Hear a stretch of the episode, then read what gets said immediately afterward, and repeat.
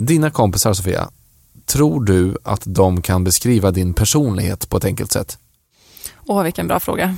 Um, ja, jag tror man känner det. De säkert, ja. känner säkert det. Jag känner också att man ganska snabbt kan sätta ord på hur folk är som person. Sådär. Men, ja. om det är... Men kan du prova att sätta ord på dig själv då? Um, oh. Alltså vad är du för någon personlighet? Nej, gud. Jag vill hellre sätta ord på hur du är. Okej, redan nu så börjar jag förstå vilken personlighet du är.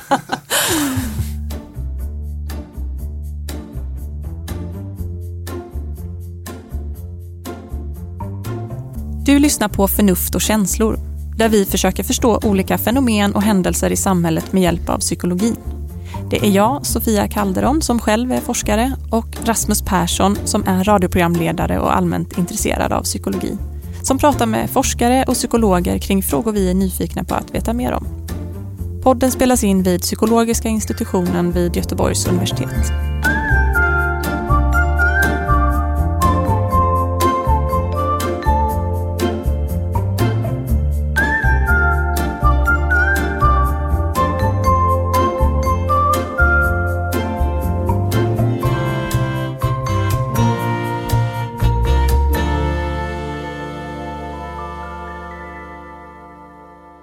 Och vi ska prata tillsammans med min kollega eh, Anne Ingeborg Berg som är legitimerad psykolog och forskare här på Psykologiska institutionen. Välkommen Anne Ingeborg. Tack så mycket. Alltså, kan vi inte börja med den enklaste frågan av dem alla, Anne Ingeborg. Vad är personlighet egentligen? Mm. Den enklaste och kanske den svåraste egentligen att definiera det eftersom att det finns otroligt många olika definitioner av det. Men om man tittar eh, bakåt då inom psykologin så är det väl någonting som har beskrivits som ganska stabilt. Ehm, Medan kanske på senare år att vi då kanske betraktar det lite mer som plastiskt, att det är någonting som kan eh, förändras under livsloppet. Då. Men, men det finns ju många definitioner, men om man ska ringa in det på något sätt så är det väl tal om återkommande och varaktiga karaktärsdrag och beteenden som rymmer en människas unika anpassning i sitt liv. Intressen, värden, eh, kanske hur man uppfattar sig själv, olika förmågor och känslomässig stil. Det är väl några av de Men är, faktorerna. Är det någonting konkret? Det låter ganska abstrakt när du beskriver det. Du till exempel som forskar, jobbar med personlighet. Kan du, kan du definiera din egen personlighet? Vet du vad du har för personlighet? Liksom?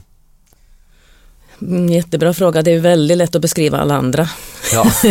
det, det, är ju så, men när man ska beskriva sig själv då är det ju väldigt komplext och många saker som spelar in. Jag är ju ganska utåtriktad på ett sätt, men i vissa fall, i vissa tillfällen så är jag ju inte det. Alltså att det blir ju lite kontextberoende. Men med ålder, nu närmar jag mig 50 då, eh, det är kanske en kris som väntar mig också. Mm, vi kan krisa ihop, vi kan ja, ha en krisförening. Ja, det gör vi. Köpa en motorcykel. Ja. Det, känns uh, tidsenligt här. Mm. Um, jo, men man lär ju känna sig själv på något vis också. Och det är klart att jag kan liksom kanske placera mig själv på ett annat sätt än, än tidigare. Det är intressant det du säger tycker jag, att, man, att, det, att det kan vara enkelt att definiera någon annans personlighet men svårare att definiera sin egen. Jag, jag tycker allt med, med det här ämnet är svårt om du frågar mig. Alltså jag tycker det är mm. så svårt att veta vad som är personlighet och vad som är mm. allt det andra. Liksom. Men. Precis, och det, där, där sätter du ju fingret på någonting som jag, jag, i alla fall tycker är svårt kanske med personlighetspsykologi. Att vi, um, vill gärna skilja på det till exempel från utvecklingspsykologi. Men inom utvecklingspsykologin så hanterar man ju eh, sidor som är personlighet. Eller vissa personlighetsdrag som speglar till exempel neuroticism eller emotionell instabilitet hänger ju nära ihop med, med mått på psykisk ohälsa till exempel. Så det är ju jättesvårt att skilja ut personlighet som någonting eget. Mm. Alltså, eh, när eh, får man sin personlighet då? När eh, så att säga cementeras den? Ja, ehm, där är det ju också väldigt olika bud och beroende på vad vi talar om. Men om man tänker liksom utifrån personlighet så skulle man kunna säga så här att det är väl ehm, när man har etablerat sin liksom, identitet och en upplevelse av sig själv så skulle man kunna säga så här att när människor på något vis har en förväntning på dig, hur du är och den stämmer och att någon, någonting stämmer över tid. Och då kanske vi talar mellan, ja, vi är 30 års ålder kanske, mm. 25-30, det var ju det Freud menade att eh, däromkring så, så kommer vi vara relativt stabila och, någon sanning finns ju i det i de här stora dragen, liksom, att då eh, har vi kanske hittat oss själva och så. Sen kan det ju finnas förskjutningar i, i, olika delar av personligheten under livsloppet som formas av var vi befinner oss i, som styrs kanske ganska mycket av de utvecklingsuppgifter som vi står inför. Det är ju olika uppgifter vi har under olika delar av livet, vad vi behöver hantera. Du är inne på något speciellt intressant där med hur andra ser på en och sen har vi det hur vi ser på oss själva. För jag får alltid höra det när jag säger att jag är introvert. Att mm. jag känner mig som en introvert, då säger folk nej, det är du ju inte. Och det, det kan vara helt olika bilder kanske. Mm. Den man har själv om vad man har för personlighet och den som en person i ens omgivning har. Mm. Och det är lite skillnad kanske där på beteende, vad som är inlärda beteenden och vad som är ens personlighet. Mm. Att personlighet handlar mycket om hur man känner sig i sin person och mm. sen så lär man sig mm. mycket att vara social. Och också tänker jag den, den som man vill mm. vara. Mm. Alltså att man vill vara en som är rolig och utåtriktad. Alltså det finns många personlighetsdrag som är så här eh, premierade på något sätt i en samhällelig norm och så vidare. Mm.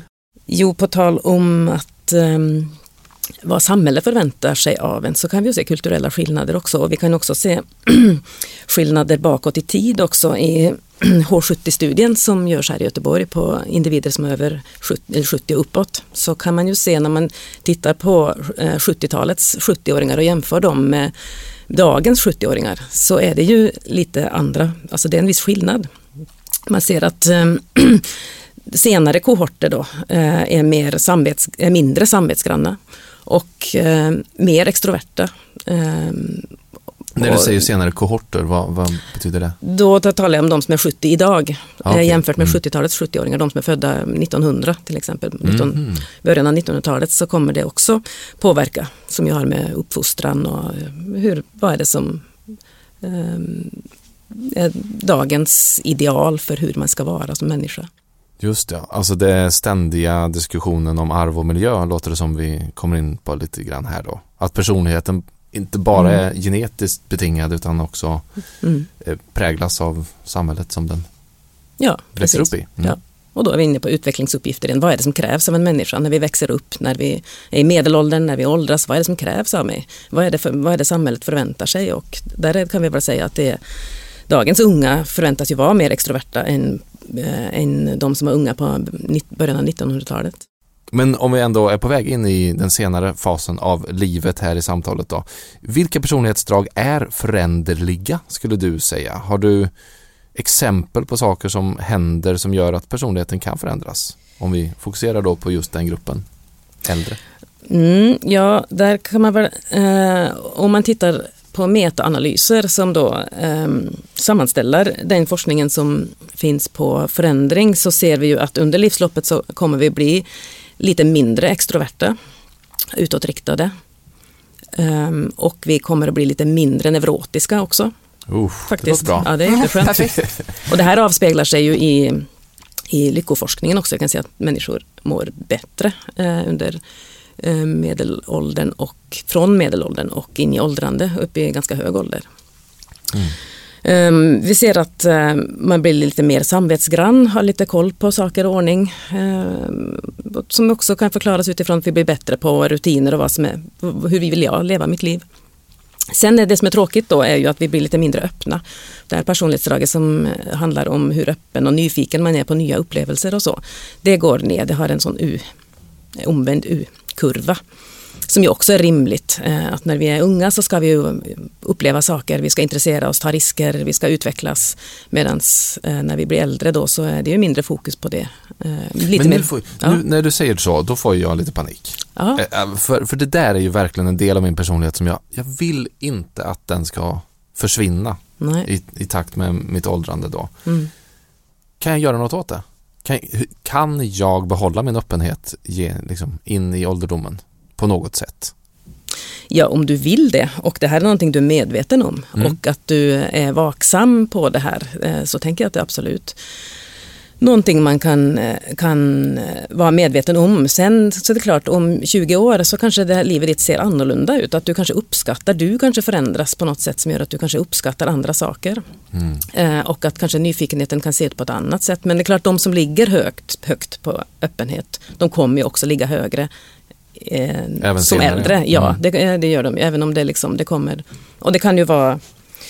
Um, vi ser ju att det här är ett, ett personlighetsdrag. Att ligga högt på öppenhet är ju ett väldigt gynnsamt personlighetsdrag för att hantera åldrande eftersom att man då tänker mer kreativt i hur man ska hantera motgångar, till exempel de förlusterna som kommer att inträffa så småningom. Finns det något sätt att eh, testa sin personlighet? Att få fram ett värde på hur öppen är jag? Hur utåtriktad är jag? Hur samvetsgrann är jag? Ja, det finns ju tester på nätet man kan eh, eh, till testa sig på de här fem stora personlighetsdragen. Det, det kan man ju göra. Mm. Mm. Jag tror jag ska göra det. Jag vill gärna mm. ha ett facit. Ja. på tal om det här med öppenhet då kanske. Att eh, vi pratar ju om medelvärden och då ser man att på gruppnivå så går, de, går öppenhet ner när man blir äldre. Men jag har känslan av att eller vi vet ju det från psykologin att det finns stora individuella variationer såklart och som du var inne på Rasmus så, så kan man ju fortsätta vara öppen eh, även när man blir äldre och då har jag en känsla av att äldre, om vi säger 70 plus, som är öppna och får nya intressen, de får eh, inte riktigt cred för deras mm. öppenhet om man säger så. Utan att man eh, ser det som lite gulligt om någon får nya intressen och förkovrar sig väldigt mycket i någonting mm. Eh, när man är lite äldre. Mm. Varför ser man det inte som en del av personlig utveckling då längre när man blir äldre som man kanske hade gjort om någon var yngre och mm. började intressera sig för något, något nytt. Har du någon mm. tanke kring det? Mm. Alltså när det kommer till just det här att intressera sig för någonting nytt. Um, alltså det, det är, vi har ju en benägenhet att vilja Alltså då det vi är intresserade av under livsloppet kommer vi ju fortsätta intressera oss för. Eh, kontinuitetsteorin det är en sån Eh, 70-talskonstruktion där som då säger att vi kommer att behålla våra preferenser, våra värderingar, och våra beteenden, aktiviteter och vår personlighet eh, liksom under livsloppet och det här gör vi ju också utifrån att vi under livsloppet blir mer selektiva. Vi, eh, det som händer är att vi måste hushålla lite mer med, med kraft och energi och då kommer vi välja det som är absolut viktigast för oss och då kanske det är det vi har ägnat åt oss tidigare eh, också då. Och sen är det ju det där att man befinner sig ju alltid i en kontext, man har alltid människor omkring sig som speglar en, som eh, har förväntningar på att man ska vara sig lik eh, och så vidare. Och när någon förändras så är ju det någonting som, som skaver i oss. Vi är ju liksom lite mm. eh, glada i struktur och förutsägbarhet och att saker rullar på. Um, och sen tänker jag att det handlar väl också om medelåldern är ju en period i sig som är intressant ju, som handlar om eh, mycket ansvar, ganska hög belastning, stress är en av de vanligaste sjukdomarna som är sjukskrivningsorsakerna eh, ansvarsfulla medelålders individer och så går de i pension. Och plötsligt så, så ska de bejaka sig själva och får all frihet och kan ta sovmorgnar och prioritera sig själva. Och det är klart att i eh, en kontext där man kanske har, ans alltså har barn eller barnbarn så kanske det kan vara lite provocerande då om farfar eller farmor då väljer att åka på en skrivarkurs istället för att passa barnbarn när det passar. Mm. Så att, eh, jag tänker att det kan vara lite så. Men, det, mm. men det, och sen är det också det här, tänker jag att Ja, men att se någon då som har bara liksom gått skötts och gått till jobbet varje dag och så plötsligt så ska de gå en, en danskurs eller någonting för att skaffa sig en ny. Det är också lite lekfullt på något sätt mm. och det kan ju också vara lite, det krockar med vår bild av den här. Exakt. Lite relaterat till liksom synen på kunskap, att så länge man är i arbetslivet och kan bidra också till, eh, till mm. samhället på det sättet och mm. sen när man kommer in i pensionsålder då är det inte riktigt tydligt vad det är man bidrar till Nej. i arbetslinjen längre. Nej, mm. precis. Mm. mm. En fråga som jag eh, funderar på här det är ju alltså personlighet. Hur kan den påverkas av det man upplever? Alltså de stora samhälleliga förändringarna kanske som man genomlever eller, eller så. allt annat som händer i livet. Om man tänker på de förändringarna som vi ser då, och där är det ju förstås stor variation då, men det är ju någon slags medelvärdedragning liksom, som vi också kan förstå eh, utifrån andra eh, perspektiv inom psykologin också.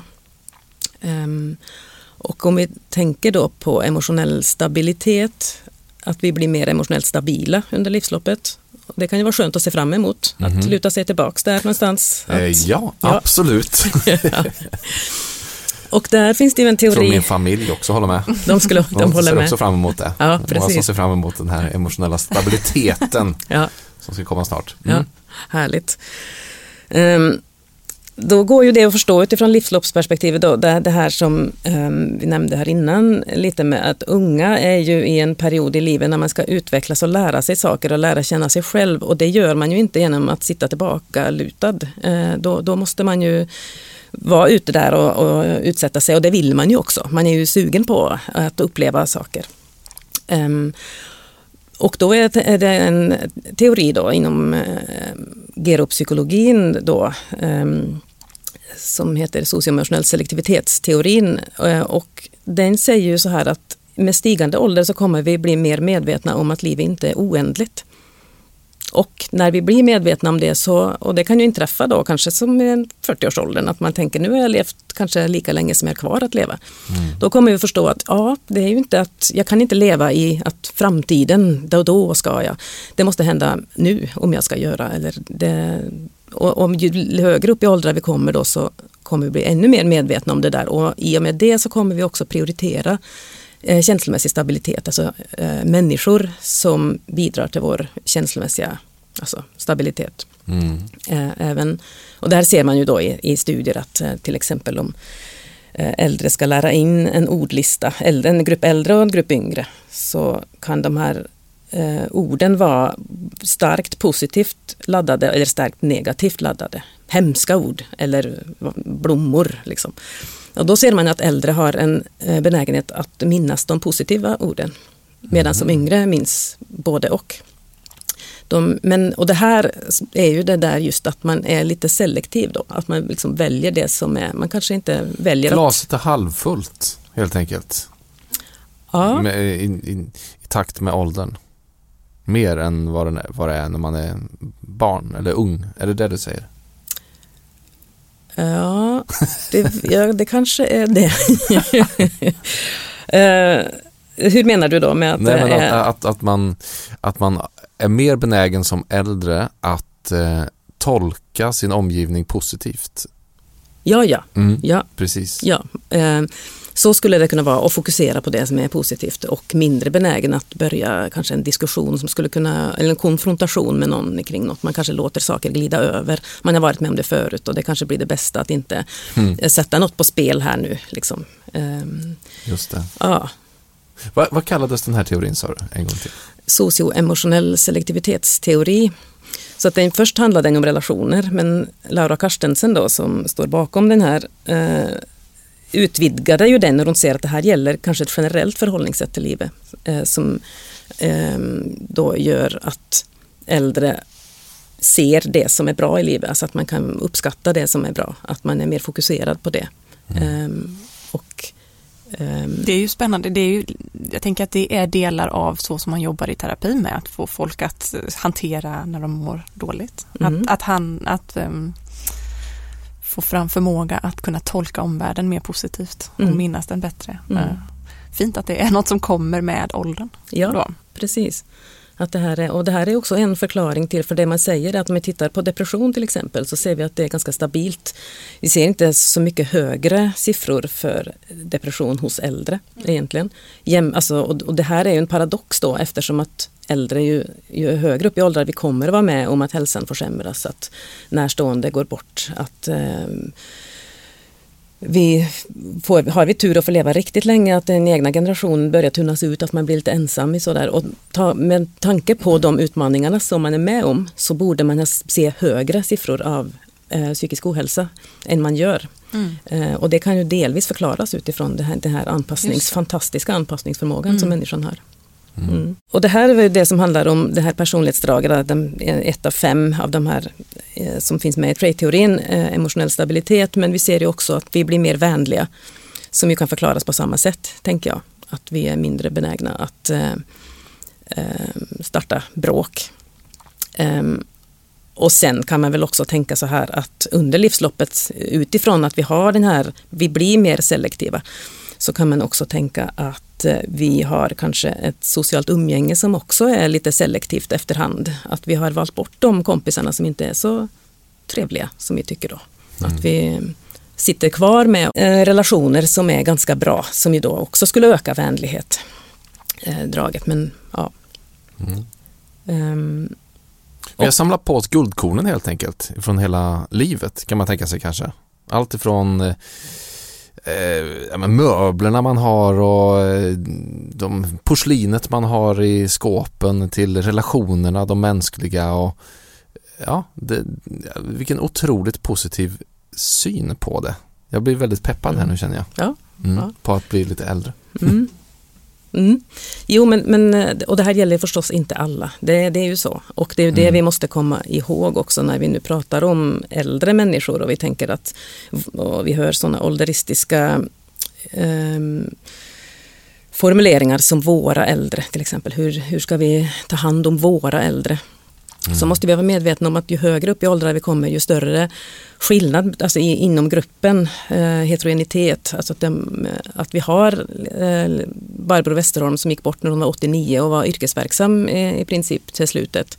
Eh, Medan eh, andra eh, är kanske svårt sjuka i demenssjukdom eller inte lever. Eh, så att vi måste tänka att det här gäller ju inte alla men, men det är väldigt viktigt att bli medveten om att eh, Eh, så här ser det ut i den här medelvärdesforskningen kan man säga när vi tittar på medelvärden.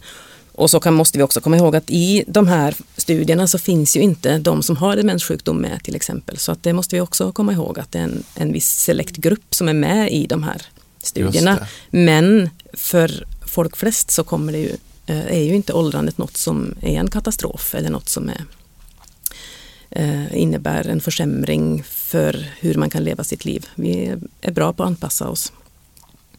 Otroligt intressant. Väldigt. Jag måste bara fråga det där, jag tyckte det var en intressant liten detalj det här du sa, det ålderistiska uttrycket våra äldre. Mm. Det hör man ju hela tiden. Mm.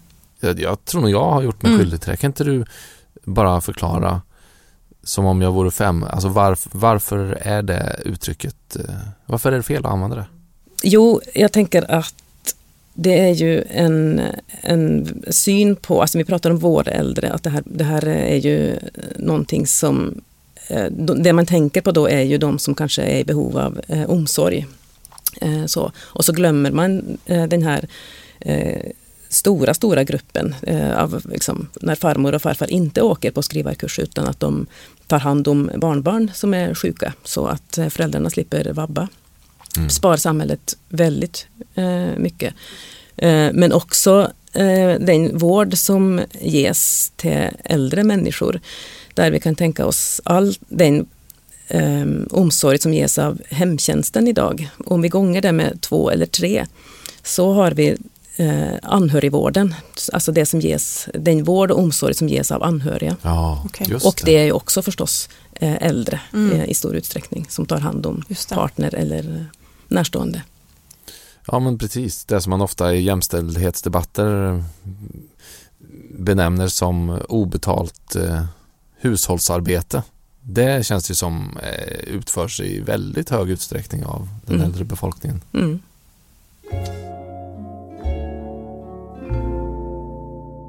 Men okej, okay, vi har varit inne på det lite grann. Eh, det här med att eh, det skaver lite när man ser en äldre person förändras. Eh, men varför är det så egentligen? Alltså varför är det ett problem att jag skaffar cowboyboots och att jag kanske börjar tycka ett väldigt dyrt tält hade varit intressant för mig att köpa. Eller en sån här en liten hängmatta som jag kanske kan spänna upp uh, ute i skogen. Mm. Sådana här tankar börjar jag ha och jag märker att min omgivning inte bara tycker att det är härligt och positivt utan också lite pinsamt. Mm. Varför är det så? Ja. Um, du är 40 ja. Ja, eh, jo, men, men där är det väl en spaning som man kan ha här. Det här är ju svårt att beforska. Men en spaning är väl att eh, man är i en ålder där det är mycket som vilar på ens axlar. Mm. Eh, I en ålder där det, man kanske har barn, man kanske har eh, föräldrar som behöver hjälp eller att man, ja, på olika sätt så, så är det mycket som vilar på ens axlar. Och om man då börjar signalera att man tänker på sig själv och vill eh, utvecklas själv och prioritera sig själv och inte tänka på andra. Mm. Så kan ju det förstås rucka. Hur ska det här gå ihop i ett system? Liksom? Och sen tänker jag att det kan vara också en viss avundsjuka också. Att andra, aha, ska han, Ska ro, han- ska han nu roa Ska sig? han bo i det där dyra tältet? Ja, hur ska han få av sig cowboyskorna där ute? Ja, ja men just det. Ja, intressant. Och senare i livet så är det ju också, där, där måste man väl ändå just det här med att förändras. Um, det där att, att vara 80 och så säger någon kanske att ja, och hon är sig precis lik, man skulle inte tro hon var precis som när hon var 70. Att när man kommer upp i en viss ålder så är det ju bättre att vara som om du var yngre. Liksom. Så att den erfarenhet man har gjort sig mellan 70 och 80, det är liksom inte något som räknas. Liksom. Det, och det är tio år, ja, vilket i andra skeden i livet är väldigt långt. mellan 20 och 30 är ju 10 år Mm. jättemycket. Eh, Ja, till exempel. Ehm, och sen är det ju förstås det här stora hotet som ju en undersökning som man gjorde i Norge, liksom vilka sjukdomar är det medelålders individer är mest oroliga att drabbas av, så är ju demenssjukdom en sån förstås. Och då om vi kommer upp i 90 års ålder så har kanske ja, 40-50 procent av befolkningen eh, en demenssjukdom. Så att vi ska ju ganska högt upp i ålder för att det här ska vara någonting som varannan äldre har då. Ehm, men det är ju någonting som om någon börjar förändras på något sätt, att då är ju det en fråga som kan vara relevant men, eh, men inte alltid. Eh, och inte kanske i den utsträckning som det är det, att någon förändras så kan det vara, liksom, då oroar man sig att det ska vara ett första tecken på en, en demenssjukdom som är på gång.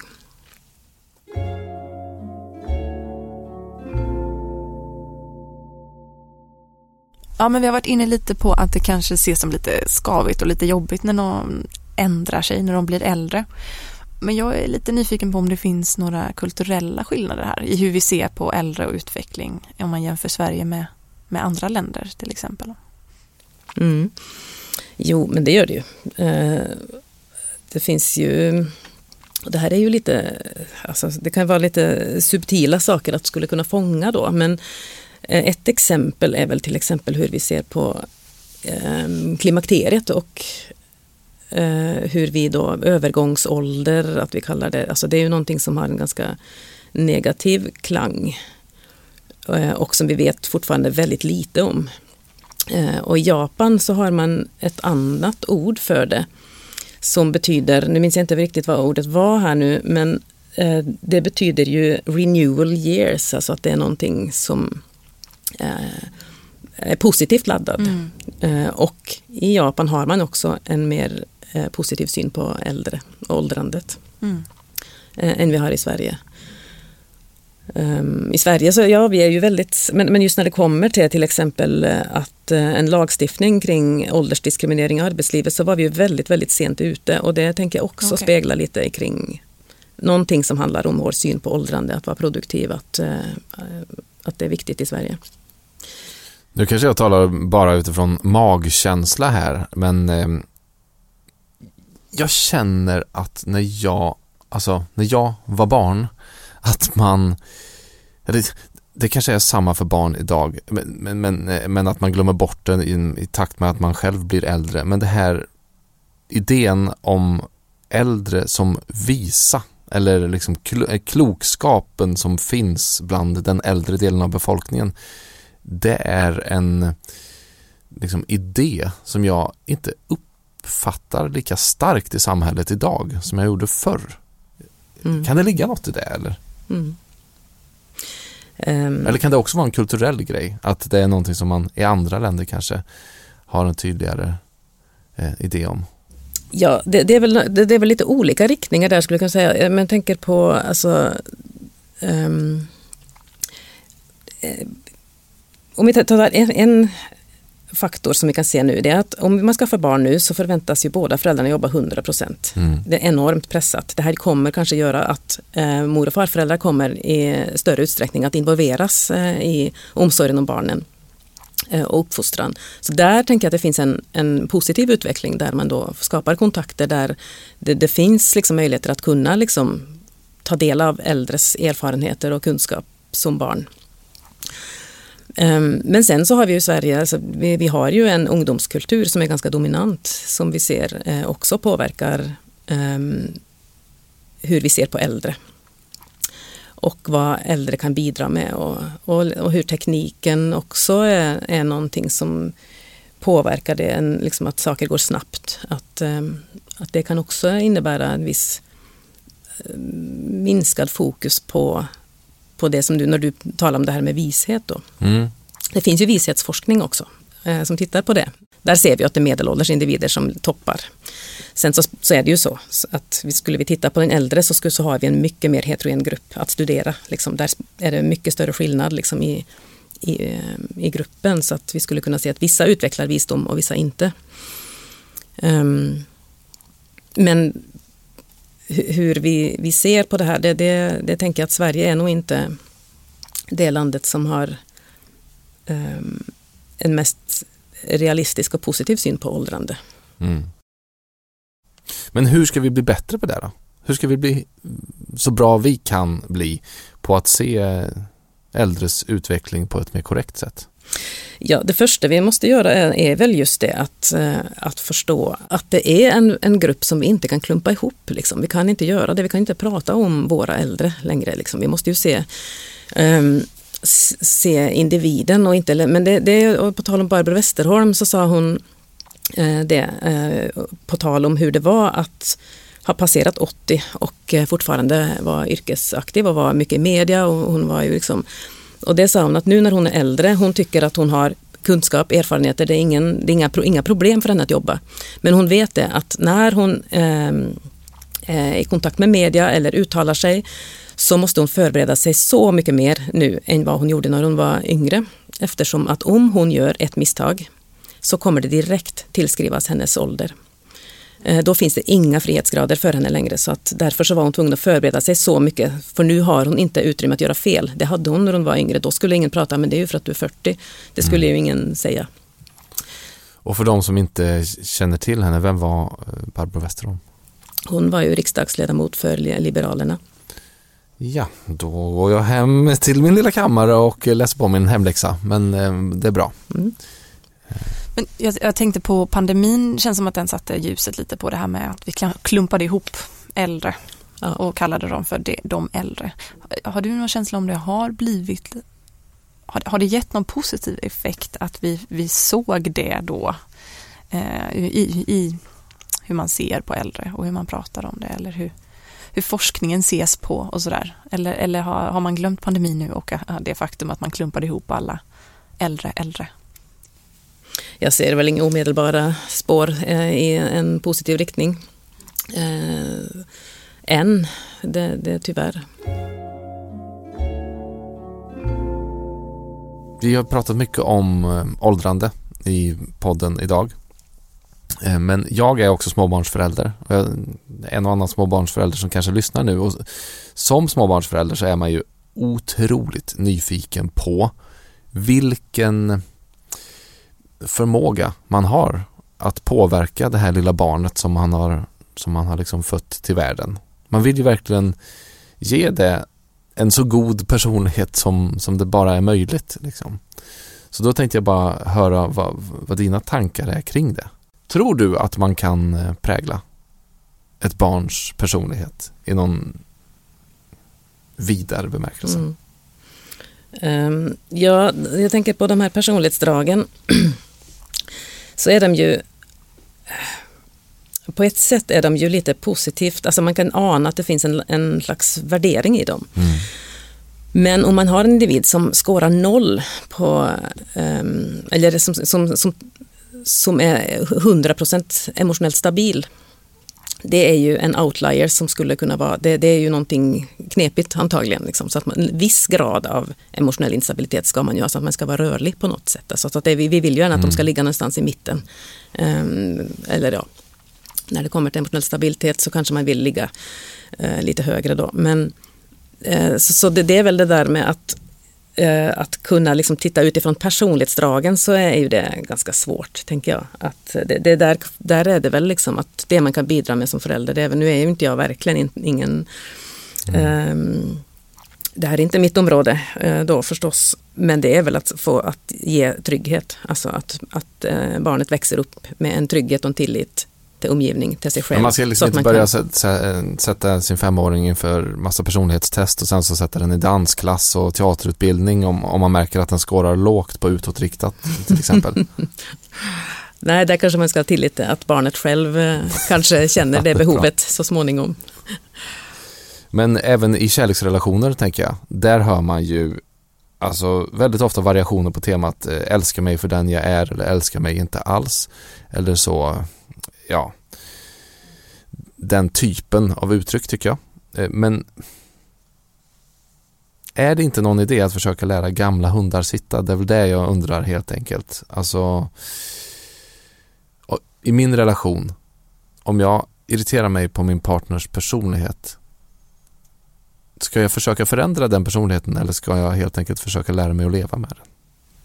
Mm, jag tänker väl så här att om, om eh, du skulle säga till dina kompisar, ja nu har jag gått igång med det här projektet att jag ska ändra, ändra min partners personlighet. så skulle de, då skulle de nog börja ringa några samtal kanske, tänker jag. Då skulle de sagt, du kanske borde ändra din personlighet. Ja. Du, nu har jag satt igång det här lilla projektet här som jag har. Ja, det, det har du helt rätt i. Mm. Gud, vilket, mm, vilket bra sätt du sa det på. Bara, just, men, men då är det ju lite det där om, om eh, och om jag, det är kanske lättare att börja för sig själv. Då. Om, om jag då ut, börjar utveckla väldigt mycket, liksom, om jag tänker eh, säkerhetsbeteenden, att jag, mitt personlighetsdrag, eh, samvetsgrannhet börjar liksom bli väldigt dominant i mitt liv. Att det gäller att sköta sig och hålla ordning på saker och, eh, mm. och så. Och, eh, nej, jag vill nog inte åka och, och, och hälsa på där. Jag hör att de uh, var sjuk för två veckor sedan. Alltså om man börjar mm. märka, mm. liksom, och det kan man ju placera då in i slags, här är lite emotionell instabilitet liksom, kan man tänka sig. Det skulle kunna vara lite mycket av samvetsgrannhet som börjar hända här nu och öppenhet går ner här nu skulle vi kunna mm. säga. Um, så jag tänker liksom det där om man går bort ifrån personlighet och så skulle vi kunna tänka att de skulle spegla det här på olika sätt då, det som håller på att hända när jag börjar bli, sluta mig och isolera mig och rädd och, eller som pandemin om vi pratar om det, att man blir väldigt, väldigt rädd och orolig för att bli smittad.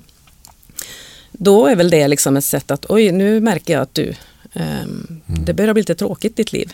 Mm. Eh, hur, hur tänker du framåt? Vad, vad, vad kan hända? Då kan man väl liksom lyfta det utifrån det.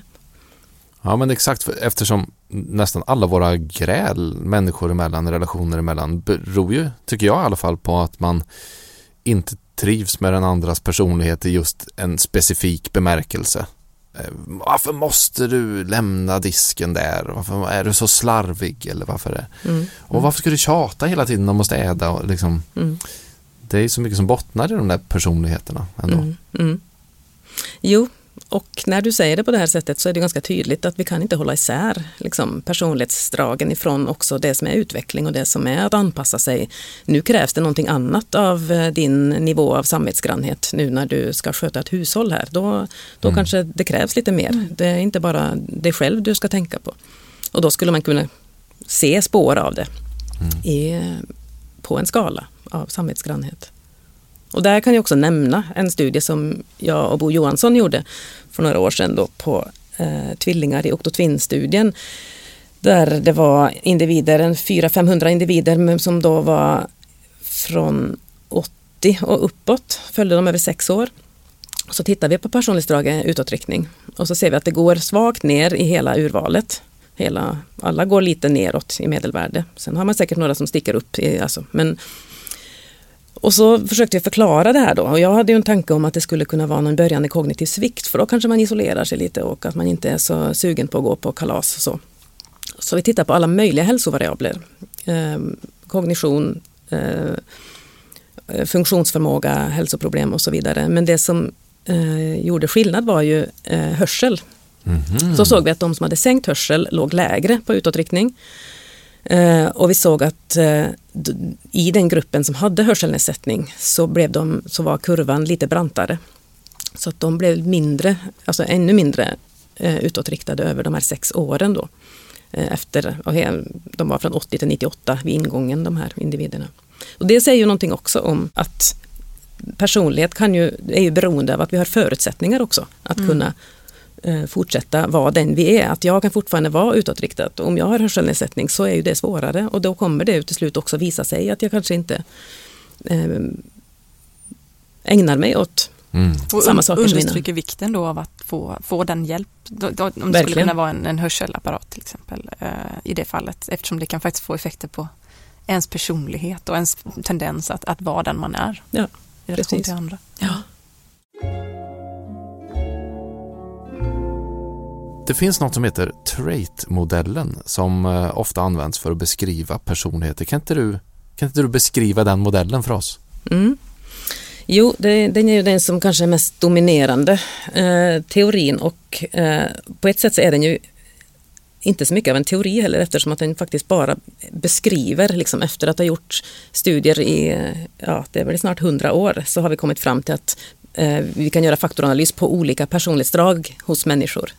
Det kan finnas tusenvis liksom, av personlighetsdrag och så har vi kommit fram till att de, som, det som verkar utkristallisera sig är fem olika eh, som, faktorer som beskriver, eh, fångar upp de här olika personlighetsdragen. Då.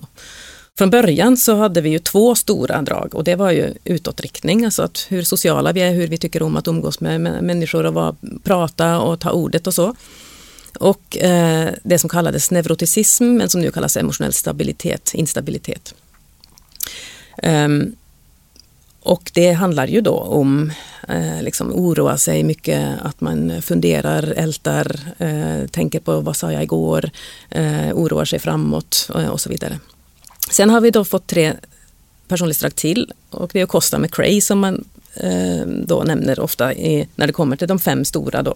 Costa McRae, Ja, forskare. forskare. Mm. Mm. Eh, och då har vi då samhetsgrannhet som är det här hur vi kan sköta saker, hålla ordning, kontroll eh, ja, eh, på livet. Eh, och sen har vi vänlighet som är då vår sociala förmåga och eh, hur vi förhåller oss i relationer. Eh, om vi är benägna att ta strid eller inte vid bästa tillfälle. Och sen har vi det sista, öppenhet, som är ju, speglar på något vis hur eh, nyfikna vi är, hur intresserade vi är för nya tankar, upplevelser, känslor. Eh, Är det också där i öppenhet eh, ens benägenhet till förändring någonstans? Alltså eh, ens möjlighet eller en- ens, ens vilja att ändra en tidigare uppfattning? Jag tänker att det skulle vara ett eh, gynnsamt eh, personlighetsdrag för att kunna förändras. Eh, jag har inte riktigt någon referens att dra här nu, men det skulle jag kunna tänka mig. Också utifrån åldrandeperspektivet åldrande perspektivet så kan vi ju se att hur man, hur man hanterar åldrande-relaterade förändringar och förluster så kan man se att människor som ligger högt på öppenhet och det innebär ju också då att man kanske har en större kognitiv flexibilitet att kunna ta in nya tankar. Hur kan du lösa det här problemet nu när du inte kan göra inte kan gå på bio så som du har gjort tidigare. Vad- Hur kan vi lösa det? Att man då är mer kreativ och hittar andra lösningar. Så att vi ser att det är ju kopplat till en bättre anpassning under åldrandet. Och den här modellen den är så att säga det finns en konsensus inom forskarvärlden att eh, nej men den, den här använder vi. Så att säga. För man, man, jag Mm. menar, man har sett tusentals olika personlighetstest, på- inte minst på Facebook och internet och överallt känns det som. Mm. Och de har jättefina namn och det är olika färger och det är olika, ja, Mm. liksom en rad olika test har jag gjort i alla fall. Mm. Det finns, ju, det finns ju andra alternativa eh, teorier till det här men jag skulle nog säga, och den debatteras ju eh, också. Ehm, för det, tanken är ju att den ska också vara kulturellt oberoende, att den här ska liksom fånga någonting i, globalt liksom, och då ser vi att vissa av dem inte stämmer så bra eller de fångar andra saker i vissa kulturer. Men jag skulle säga att det är ganska mycket konsensus, det är väldigt mycket den här som är, om man skulle välja eh, en skala idag så skulle man nog välja den. Sen är den ju som sagt inte, den förklarar ju inte varför. Det finns ingen utvecklings eh, tanke som är beskriven. Den är väldigt deskriptiv och under de här fem faktorerna finns det sex facetter då så att det finns olika delar av varje faktor också. Så att, eh, som man kan studera. kan passa på att nämna eftersom du sa färger Rasmus att just den här eh, fyrfärgsmodellen som eh, florerar och, och har Mm, fått fäste den är, ju, den är ju inte en av de här alternativa personlighetsteorierna utan den, den kommer inte från forskningshåll Nej, och precis. har inget stöd och bör inte tillämpas förstått helt det. enkelt. Jag det. det. Mm. Mm. Omgiven poäng. av idioter och så vidare. Just. Precis. Mm. Jag måste säga efter det här samtalet 30 minuter, 45 minuter eller vad det blev i slutändan. Det känns lite bättre. Min kris. Min 40-årskris känns lite bättre eftersom eh, jag, jag har fått en liten ögonöppnare kring vad det innebär att åldras också. Så jag är väldigt tacksam för det alltså. Det känns skönt att åldras nu med vetskapen att eh, glaset kommer bara bli mer och mer halvfullt i mitt fall. Eh, Så tack för att jag fick vara med. Stort tack, det var väldigt spännande. Tack Anna Ingborg för att du, du var med. Tack för att jag fick vara med.